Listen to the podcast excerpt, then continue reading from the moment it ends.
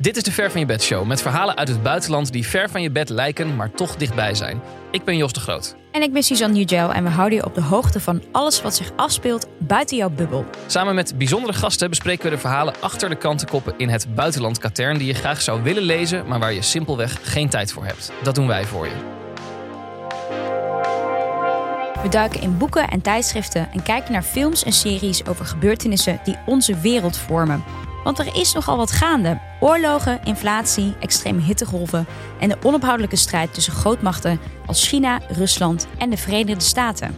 Ja, en deze week praten we over Belarus en dat gaan we doen met Vanka Hummels. Hallo. Vanka, Hartelijk welkom. ehm, ik ga je zo nader introduceren. Suzanne, eerst de olifant in de kamer even benoemen. Want de oplettende luisteraar kan iets horen aan jouw stem. Ja, het eh, kraakt een beetje en als ik op een hele lage frequentie blijf, dan gaat het allemaal goed. Maar als ik wat hoger ga, dan, eh, dan is mijn stem ineens weg. Want wat is er gebeurd? Ik heb een heel leuk bruiloftsweekend gehad met eh, eh, vrienden van me.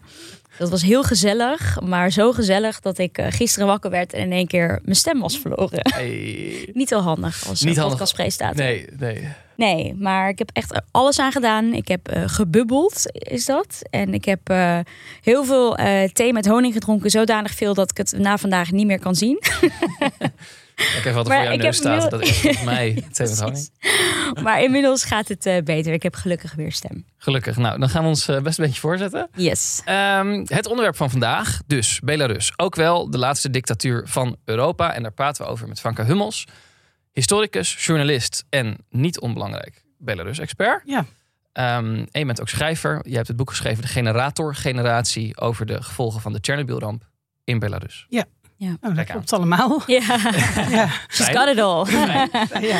Eh eerst even eh, eh, een vraag van administratieve aard. Want Ja. wij eh, zeggen nu allemaal heel eh, netjes Belarus. Terwijl wij vroeger op school misschien hebben geleerd om het Wit-Rusland te noemen. Dat is in ieder geval Zeker. hoe ik het heb geleerd. Ik ook. Zeiden we Wit-Rusland. Ja, dus waarom we hebben afgesproken, we gaan deze podcast Belarus zeggen. Maar waarom doen we dat eigenlijk? Nou, Wit-Rusland is de traditionele naam in Nederland. Nog niet zo heel lang is Belarus ook een naam die volgens de taalunie aan het land gegeven kan worden. En op zich, Bela betekent wit. Roes is niet hetzelfde als Rusland, het is een oudere stam. Maar het lijkt, het lijkt heel erg op elkaar. Alleen mensen uit het land zelf hebben echt hele grote moeite met Wit-Rusland als begrip. Omdat er Rusland in zit. En Ja. ze juist op alle manieren willen aangeven dat ze niet Rusland zijn. Ja. Ik heb er zelf wel lang mee gewacht voordat ik omging. Omdat eh, ja, Belarus is ook een Russisch begrip. Het Wit-Russische woord, het Belarussische woord zou dan Litva zijn. Mm, En dan denk ik, ja, waarom gaan we dan een Russische naam gebruiken om eh, de eigenheid van een bepaald land te benadrukken? Maar op dit moment eh, is Belarus ook gangbaar en het heeft de voorkeur van mensen om wie het gaat. Dus eh, ja, laten we dat ja. precies. overnemen. Ja, Ja. Doen wij dat? Vraag eigenlijk van dezelfde orde. Eh, iemand die veel aan de orde gaat komen in deze podcast, Ja. dat is de president van dat land. De nou, president. dictator. Zet het meteen op scherp. Ja, precies. Hij is niet gekozen, Hij laten we noemt wel weten. zichzelf president. Ja. Hij noemt zichzelf president. Alexander Lukashenko. ja. Lukashenko, dat wordt nogal eens door elkaar Ja. gebruikt. ja. Eh, wij gaan Lukashenko zeggen, maar hoe zit dat precies? Nou, een onbeklemtoonde O is in het Russisch en in Belarusisch, alleen schrijf je dan ook met een Mm. A, spreek je altijd uit als een A. Dus het is geen manier waarop je deze man Lukashenko zou kunnen noemen. Alleen als je naar de letters kijkt, ook in het Dan staat er een O. Dus dan zijn we geneigd om te denken dat dat een O moet zijn. Maar niemand zal er een O tegen zeggen. Dus die man heet gewoon Lukashenko. nou, Nou, heel, helder. horen. Belarus en Alexander Lukashenko. Precies. Nou, jij komt zelf al zo'n 20 jaar in Belarus. Eh, niet de meest voor de hand liggende bestemming van Nee. eh, veel mensen. Dat klopt. Ik, ik heb nog eh, weer op de eh, pagina van de minister van Buitenlandse Zaken gekeken. Knalrood. Ja, Waarom Belarus? Ik ben er voor het eerst geweest toen ik nog studeerde. Toen studeerde een vriendin van mij, die studeerde Russisch, die studeerde in Sint-Petersburg. En toen kwamen we met de trein door Belarus. En toen realiseerde ik me dat ik helemaal niks over dat land wist. Dat vond ik best wel erg, want het was vlakbij. Ik studeerde geschiedenis. Ja. En toen ben ik eh, gaan lezen. Ik was actief bij de Landelijke Studentenvakbond. En die was lid van de Europese Studentenvakbond. En dat was onze Belarussische counterpart toen ook. Die is inmiddels hartstikke verboden, maar eh, toen nog niet. En eh, we hebben toen samen met hun een groot project gedaan om onafhankelijke studentenraden op te zetten op universiteiten. project was illegaal. Maar Ah. het eh, ministerie van Buitenlandse Zaken in Nederland gaf er wel subsidie voor. En zo heb ik mensen leren kennen.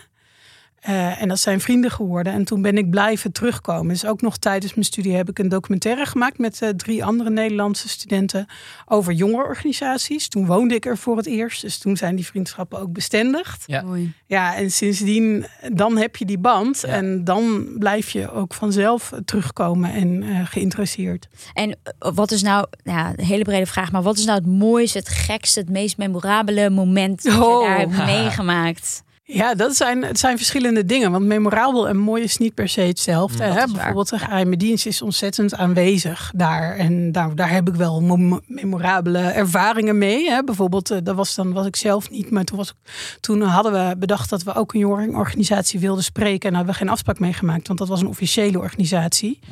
En we wilden ons niet al te hard als eh, journalisten profileren. Dit was dus toen ik nog studeerde. En toen werden we verwacht. Terwijl we dus geen afspraak hebben Oh, hadden ja, ja. gemaakt. Dus dat geeft al wel weer even aan van hoe die geheime dienst, die nog steeds KGB heet, hoe die ja, eigenlijk alomtegenwoordig is en hoe die ook nog Ja. werkt. Maar dat zijn niet de mooie momenten. Kijk, de mooie momenten zijn voor mij gewoon in de natuur met vrienden, kampvuur, bier erbij, eh, eh, eten, gitaren. Best wel clichés, maar wel de dingen die denk ik voor iedereen overal altijd de mooie momenten zijn, maar die wel ja, naar je hart gaan. Ja. En is dan, is dan, zijn dan de, de, je, je, je, je omschrijft een soort idylle. Bijna- zijn, zijn de gesprekken dan, dan politiek, omdat dat altijd zo, je noemt al de KGB, omdat dat altijd zo aanwezig is. Nou, mijn vriendenkring in Belarus is altijd oppositie geweest. De Ja. meeste, meeste mensen wonen er nu dus ook niet meer. Even lomp gezegd, mensen zitten of in de gevangenis of ze zijn gevlucht. Dus ja, bij die gesprekken is politiek altijd een hele belangrijke factor geweest. Maar met andere mensen eigenlijk niet. Het gebeurde vroeger wel. eh, zeker in het begin van, van ja, deze eeuw. Nu voel ik me net een oma. Maar dan kwamen mensen in de trein naar mij toe van... oh, goh, is dat nou? Hè? Je woont in een monarchie. Ja. We hebben een gekozen president. Hoe is dat nou om een koning te hebben... of een koningin te hebben die niet gekozen is? En ik... eh, eh, dus dan, weet je, dus dat soort dingen wel. En, en soms ook wel, soms ook wel, als je dan wat langer met mensen praat, bijvoorbeeld, nou ja, ik, wat doe je hier? Ja, ik schrijf een boek over Tsjernobyl. Oh, maar dat is helemaal geen probleem. En dan eh, eh, 35 minuten later en flink wat bier later. Ja, trouwens, mijn oma is ziek geworden door Tsjernobyl. Wat dan ook weer niet blijkt te kloppen. Maar van de ene misinformatie naar de andere. Ja. Maar politiek is niet een onderwerp dat vroeger, dat is wel veranderd, maar dat op straat lag. Dus je moet wel vertrouwen hebben voordat je met mensen echt over praten. politiek Ja, ja. kunt praten. Dus Ja. die idylle die ik net beschreef, ja, daar stond politiek centraal. Want eh, verzet tegen het regime was Mhm. ook wat die mensen bond en bindt. Maar dat was wel de uitzondering.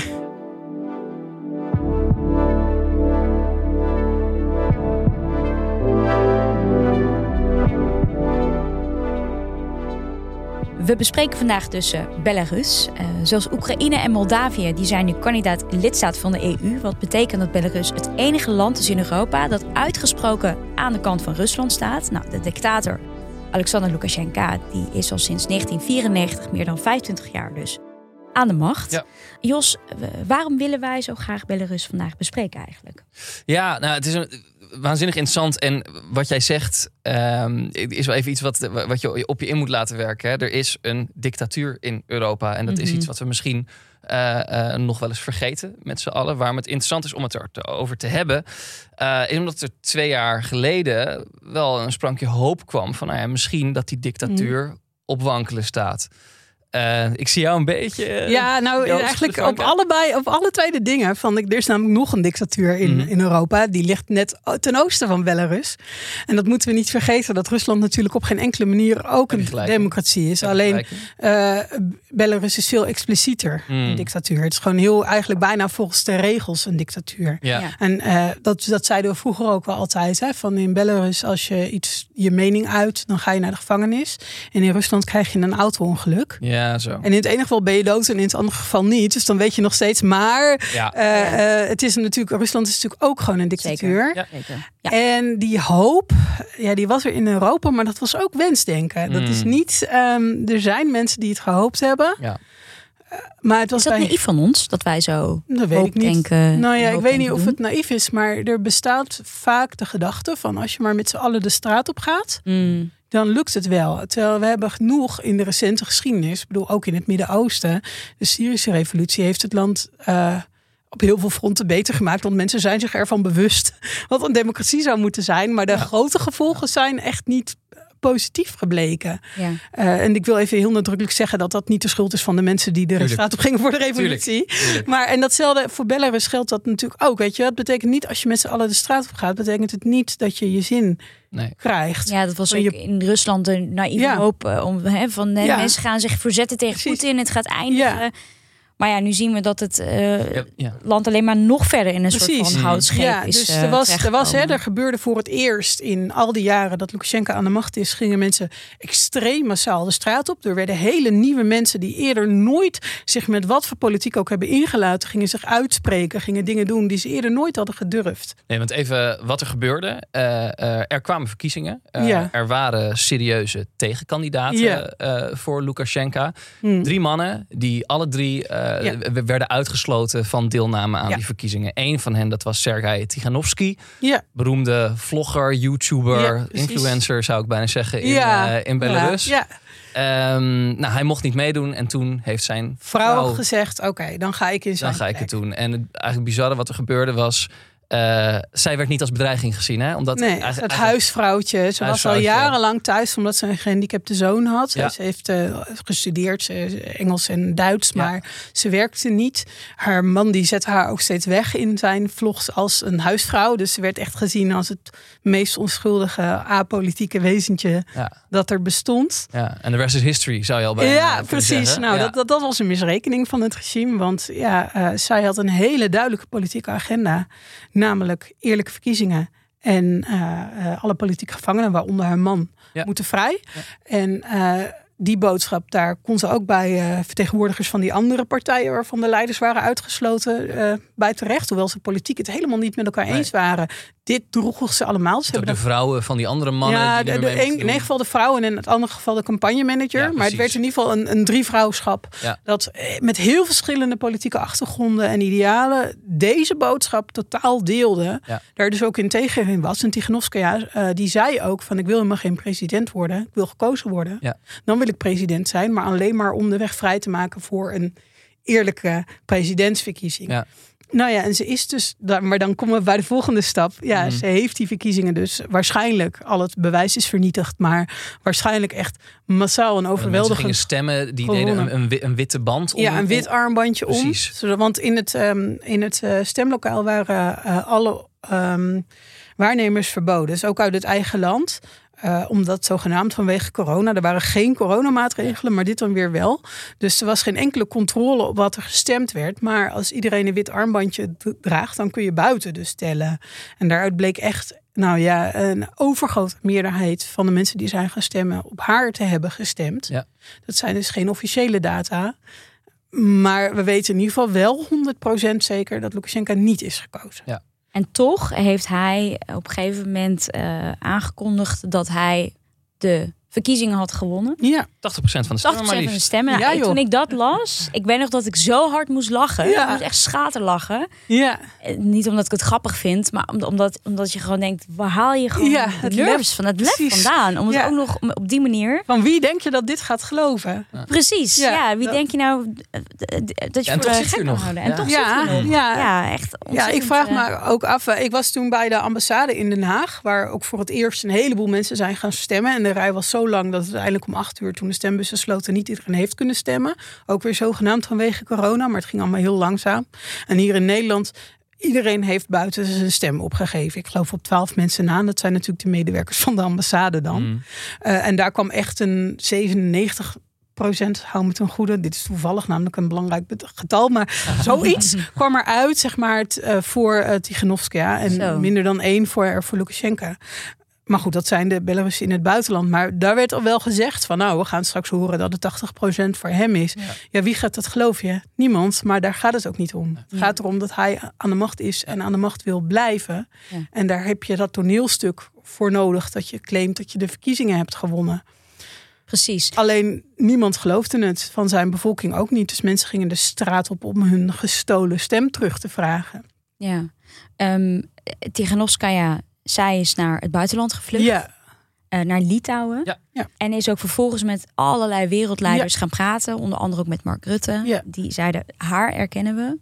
En uh, Lukashenko? nee, hij erkent haar niet. Nee, hij erkent haar niet. Hij erkent haar wel als een vertegenwoordiger van de Belarussische oppositie, maar niet als president. Ja. Want dat, dat is ze ook niet. Nee, Want, nee. maar het is vooral een symbool als hij met haar praat en met haar op de foto gaat, van dat dus Lukashenko niet wordt erkend. Dus Ja. het is meer van ja, dan vult er een gat op en wie Je dan? kan politiek Zo. niet uitspreken van, van Ja. zij is de Het president. kan. Ja. Eh, Li- Litouwen doet dat Ja, bijvoorbeeld. dat Dus het, het kan wel, alleen eh, Nederland is niet een land Ja. om zoiets te doen. Nee. Eh, ja, Net iets diplomatiek eh, voor misschien. gevoelig Ja. eh, voor. Nou ja, Litouwen doet het op Litouwse manier ook diplomatiek. Ja. Maar het is in ieder geval dat is inderdaad het symbool wordt gegeven door steeds met haar te spreken. Oké, als we met iemand praten, dan is dat met jou en niet met die gast die zichzelf president noemt. Ja. Precies. Want zij was hier eh, vorig jaar. Eh, jullie hebben haar allebei gesproken. Ja, het is Jij vier keer, vier keer geweest. Vier keer is ze hier geweest. En jij hebt haar ook geïnterviewd. Ja. Voor NRC, als ik... Nee, eh, voor het AD. voor het AD heb je haar Ja. geïnterviewd. Ehm, wat voor iemand is zij? Ze is heel ehm, kalm. Ze denkt echt na voordat ze antwoord geeft. Ook al heeft ze, zou je denken, kant-en-klare antwoorden. Want ze krijgt heel vaak dezelfde vragen. Mm. En toch zal ze er steeds over nadenken. En eh, ook niet altijd voor de hand liggende eh, antwoorden geven. Ze werkt heel hard. Je merkt eigenlijk bij alles dat ze geen enkel plezier heeft in wat ze doet. Ze heeft nu een enorme status en ze ontmoet dus al die hoogwaardigheidsbekleders. Maar ze doet het alleen maar voor haarzelf, zeg maar, omdat het moet. Ze denkt, dit klinkt weer huisvrouwachtig. Dat is ze echt niet. Ik wil van dat beeld af. Mm. Ja. Maar ze denkt steeds ook aan de kinderen die ze niet ziet. Die dus ook wel hun vader moeten missen.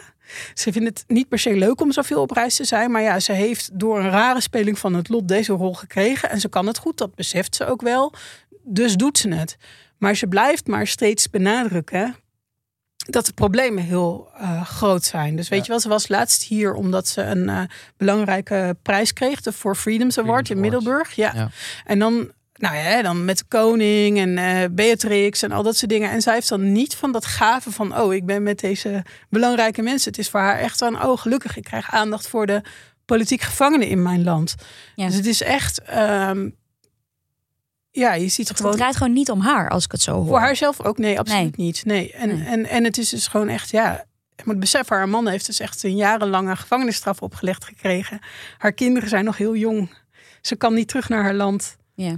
Ze weet, dat benadrukt ze ook steeds, dat zij in ieder geval veilig is. Dat haar verhaal met die man in de gevangenis het verhaal van heel velen is. Mhm. Dus ja. Ik vond het heel mooi. Zij was, ehm, zij was de gast in, in College Tour, eh, Ja. ehm, het programma waar ik voor werk. En eh, ehm, nou, ze kwam met een heel gevolg ook, Mhm. ook naar Nederland. Eh, werd begeleid door heel veel beveiligers van de Ja. DKDB. Want ja, ze, ze, werd zeker toen bedreigd. Want dat was op een moment dat er net in Belarus een vliegtuig Ja. aan de grond was gehaald. Daar zat een Belarussische journalist, activist in. Roman Protasevich. Ehm, ja, die, die is daar gewoon uit een vliegtuig gehaald en, en gevangen gezet. En Zijn eh, vriendin ook, toenmalige vriendin. ja, ja. zit er nog steeds vast, als ik het goed Hij, hij is een soort van. Het is een, beetje, het is een heel ingewikkeld verhaal. Zij is veroordeeld. Ja. Hij is vrij, maar met een soort huisarrest. En hij is nu, werkt oké. nu voor de overheid. Oh. En hij is op de dag dat een dag nadat zij voor haar veroordeeld was, is hij met iemand anders getrouwd. Maar hij wil niet zeggen met wie. Er is iets heel geks aan de hand met hem. Maar wat er gebeurd is, of hij nu echt een dubbel agent is, of dat hij een Hm. klap op zijn kop heeft gehad, of zo ontzettend onder druk is gezet eh, met marteling of andere manieren, eh, dat hij dit daarom doet. Ja. Dat weten we dus eigenlijk niet. Nee. Maar in ieder geval, het laat inderdaad zien hoe ver het regime kan gaan. En daarom Ja. dat ze dus toen had ze en Nederlandse beveiliging en Litouwse beveiliging. Dus twee beveiligingsteams in Ja. haar kiel zocht. Ja, en wat ik, wat, ik- wat, ik, wat ik eigenlijk mooi vond, en daar bij College Tour wordt natuurlijk altijd gevraagd wat is het beste advies wat je hebt voor, eh, voor mensen. En eh, toen zei zij value what you have. Ja. En dat klinkt misschien een beetje als een soort dooddoener. Maar als je even goed verdiept in, in wat voor land dat nou is, wat we nu dus doen, hè, een dictatuur, hoe het is daar om, om daarin te lezen en om bepaalde vrijheden gewoon niet te hebben. Ja, Ja, dan komt dat heel erg binnen. En ik vond dat ze dat wel. Ze is inderdaad een beetje politica tegen wil en dank. ja. Is eigenlijk ook niet echt politica. Nee. Maar, ze, maar ze oont het dan wel of zo. Als, ze, als het ja, moet ja. zijn, dan laat ze het zien. En maar dat ze meent, prachtig. ze meent het. En Ja, dat is het. meent Het, het echt, het ja. wordt geen eh, vluchtige formule bij haar als Ja. ze zoiets zegt. En dat legt ook. ze ook uit. Hè, Ja. van dat ze zelf is opgegroeid in de Sovjet-Unie. En dat ze dus zelf ook nog heel veel moet leren over democratie. Ja. Nou ja, een politicus die zoiets durft te zeggen, dat is echt eigenlijk ongekend. Maar het maakt haar ook sterk. Want daarom blijft ze wel bij veel mensen vertrouwen houden. En geloven ook mensen haar, ook bijvoorbeeld de mensen in Belarus die niks eigenlijk van haar man moeten hebben, die veel politiek uitgesprokener is. Ja, dat maakte dat niet zoveel uit, omdat Mm. voor deze fase is zij de vrouw. Ja. Even terug naar eh, de, de president van het, Ja. eh, van het land. Ook Ja. al is het niet de president van de mensen. En niet gekozen eigenlijk. Ja. Eh, Lukashenko, die zit er al sinds 1994. Hoe is hij eigenlijk aan de macht gekomen? De eerste keer is hij gekozen. Toen was hij Ja. baas van een collectieve boerderij. En hij was ook in het parlement. En de nieuwe regering, die sinds het uiteenvallen van de Sovjet-Unie in 1991 aan de macht was, die had probeerde ehm, het land richting democratie te duwen. Dat lukte niet zo goed. Het land bleef super corrupt. Vriendjespolitiek, wat je eigenlijk in de meeste voormalige Sovjet-republieken zag. En ze wilden graag de nationale identiteit van het land benadrukken. Eh, bijvoorbeeld door de Belarussische taal de belangrijkste taal te maken. En dat klinkt logisch, maar dat is het misschien niet als je beseft dat de meeste mensen die taal niet spreken, of in elk geval niet als moedertaal spreken. En Lukashenko die sprak zich uit tegen die corruptie. Ehm, er wordt soms gezegd dat hij heel effectief was als leider tegen die corruptie. Dat valt me mee, maar hij sprak, zich in ieder geval heel erg tegenuit. En hij zei dat die veranderingen te snel gingen. Dus met die boodschap is hij eh, echt eh, ja, met veel overtuiging door mensen gekozen in 94. En ja, heel snel daarna is hij door middel van referenda die al niet meer eerlijk verliepen. Mhm. eh, is, heeft, is hij die macht van de president ook grondwettelijk gaan uitbreiden. Dus meer termijnen, langere termijnen, Ja, uitzonderingen voor hem. Zo begint dat allemaal, hè? Ja, Dat zie je echt overal. Van landen die democratisch eh, gekozen leiders, of in ieder geval verkiezingen. En vervolgens krijg je steeds dit soort regels. ja maar hij waardoor heeft ze zich lang nooit echt als democraat gepresenteerd. Want daar was het land misschien ook nog niet helemaal op dat moment mee bezig. Het was vooral Aan bezig met misschien een land worden. Een natievorming misschien ook nog. Maar ja, dat is echt, dat is... eh, want je zou misschien denken dat het geleidelijk ging. Maar in 1997 was het toch al wel echt een volbloed dictatuur. Waar ook mensen, politieke tegenstanders, verdwenen. Letterlijk. En die zijn vermoord, weten we nu zeker. Alleen dus nooit Gewoon al drie jaar nadat hij werd verkozen. Ja, dat, Ja. Begon echt, eh, dat begon al wel echt snel. Dat Mm. ging echt in rap tempo. Ja. En eh, eigenlijk om, om eh, even de Lukashenko van nu te schetsen. Van, nou ja, we, hè, we zeiden het net, er, er werd een kritische journalist uit een vliegtuig Ja. gehaald en vastgezet. Corona werd niet serieus genomen. Hij zei lekker ijshockey en wodka drinken. Dan heb je er geen last van. Naar de sauna. Ja, Ja, naar de sauna. Dat, nou Niks aan de hand. natuurlijk, maar het werkt helaas niet. Nee. Eh, hij is iemand die vluchtelingen eh, inzet als wapen om... om haalt om, Haalt. ze- Haalt om ze Europa ermee te bedreigen. Precies, mensen worden een wapen. Belarus heeft duizend politieke gevangenen. En dat, Ja, is, alleen ruim nog maar, 1500. dat is alleen nog maar het nieuws. officiële getal dan. Hè? Het zijn er meer. Veel Dat zijn meer. allemaal, het is, is nogal een opsomming. Ja. Het zijn nogal wat recepten voor echt een wacko leider. Moet ik Wacko. Ja, en het is er niet eens, want dat is wel belangrijk, denk ik, om ook te beseffen bij die politiek vluchtelingen. Het zijn er dus nu ruim, ik heb het vanochtend opgezocht, volgens mij Mhm. 1514 of. Ongeveer dat. En dat is dus, de meeste mensen zijn niet eens als politiek vluchteling geregistreerd, omdat tegen hun familie wordt gezegd dat de straf twee keer zo lang wordt als je geregistreerd bent. Oh, ja. Maar die, vlucht, die- die vluchtelingen, die gevangenen zitten niet eens per se vast om die mensen te straffen. Dat is natuurlijk een doel. Maar het andere doel is natuurlijk dat anderen zich niet uitspreken. Ja. Dus het is ook gewoon bedoeld om mensen stil te houden. En dat is wel heftig. En bijvoorbeeld, er is nu de grondwet is kort geleden aange, of de, is aangepast dat de doodstraf kan worden, ook worden ingezet voor ehm, terreur. Dat is nu alleen voor moord. Ja. En onder terreur verstaan ze ook het ondermijnen van de staat. En bijvoorbeeld vandaag is er de veroordeling van een meisje dat. ehm, of de arrestatie, de lastlegging van een meisje. Zij heeft op eh, sociale media geschreven dat Poetin en Lukashenko verantwoordelijk zijn voor de oorlog in Oekraïne. Mhm. En haar is dus onder andere terreur te lasten gelegd. Dus in theorie zou ze daarvoor de doodstraf kunnen krijgen. Ik denk niet dat dat gebeurt, maar de dreiging daarvan Dus het is. is een bericht over eh, de rol van Belarus in Ja, Oekraïne wordt uitgelegd als terreur. Ja. En dan hangt je de doodstraf boven het hoofd. dat zou kunnen. Ja, ik denk, in de, ik denk dat, het, dat ze daar. Daar hebben we het over. Terug, precies. Het is Ja. dus, en dat geldt bijvoorbeeld ook voor nou ja, een vriend van mij die in de gevangenis zit. Echt een goede vriend. Die is, eh, werkt al heel lang bij een mensenrechtencentrum. Hij is advocaat. En eh, ja, hij zou ook dat doodstrafartikel, dat, dat terreurartikel bijvoorbeeld kunnen krijgen. Zijn Ja. straf is nog niet duidelijk. Dus het, is, het komt wel echt heel ehm, dichtbij. Ja. En ik denk niet dat ze heel snel die doodstraf zullen gaan geven. Want dan denk ik dat de reactie... natuurlijk. Precies, dat Ja. is het. En wat we bijvoorbeeld in diezelfde week dat die wet veranderde, kreeg ook iemand die een baby had vermoord, kreeg twee jaar cel.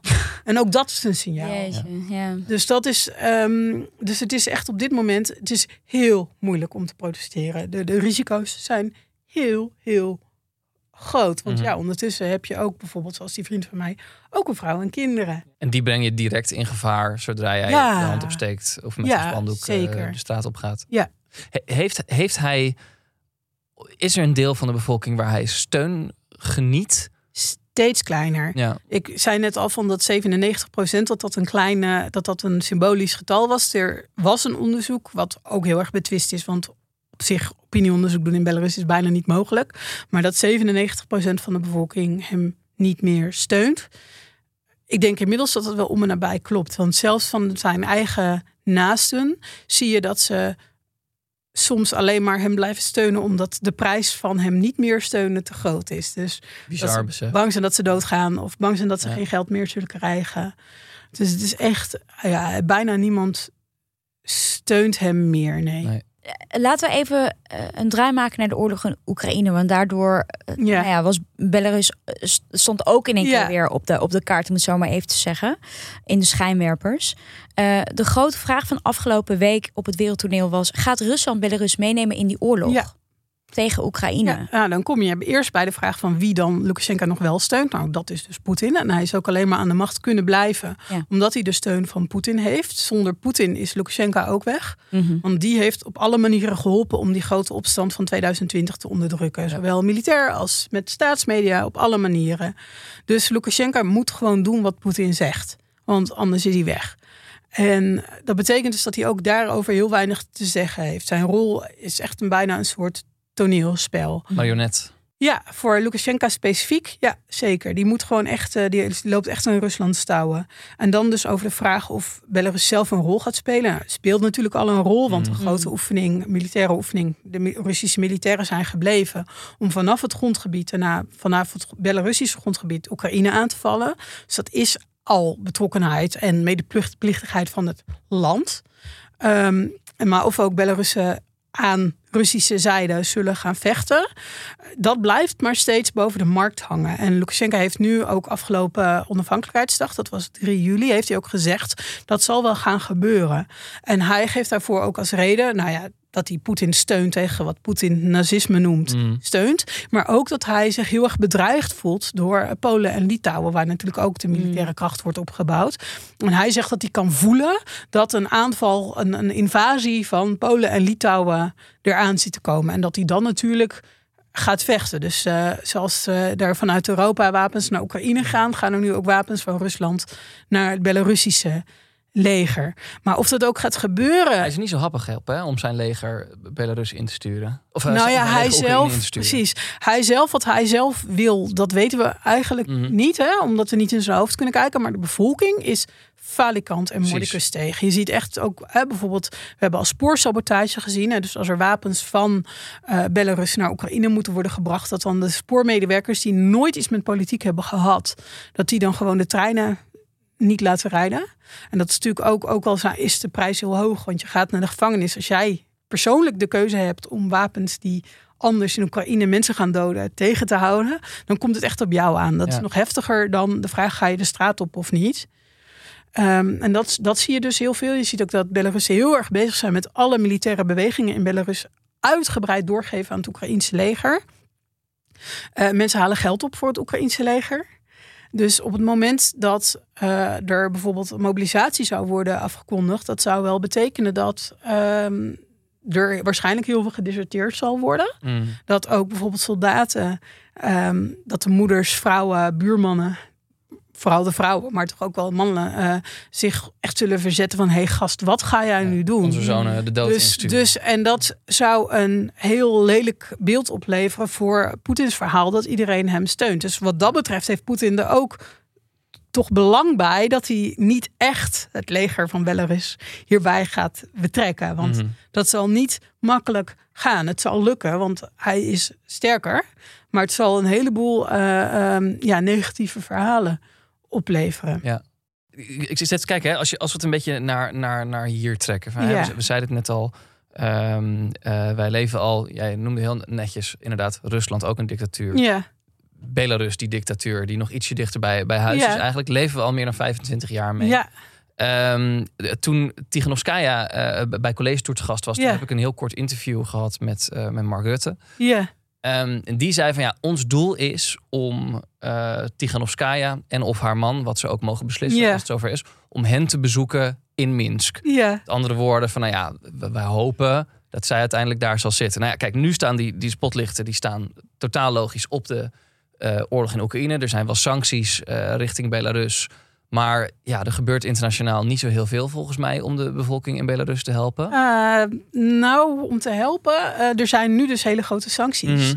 voor Belarus om, vanwege die betrokkenheid bij de oorlog. En het opmerkelijke is, want dat is meestal niet zo bij sancties, dat die echt door de eh, bevolking heel erg worden gedragen. Dus de Mm. bevolking vraagt al heel lang om economische sancties. Tiganovskaya, die natuurlijk zelf veilig in Litouwen is, doet dat. En wordt vaak bij regeringen en ballingschappen als die om sancties vragen altijd gedacht, ja, maar dan leidt je bevolking eronder. Jij hebt er geen last van. Ja. Maar wat ik ook echt van mensen in Minsk hoor, van ja, dan moeten we kijken, want eh, dan worden bepaalde mensen armer. Hoe we dat gaan organiseren, dat die wel te eten hebben. Mhm. Dus dat er echt gewoon van dit moet, want dit is de enige manier om uiteindelijk Poetin en Lukashenko weg te krijgen.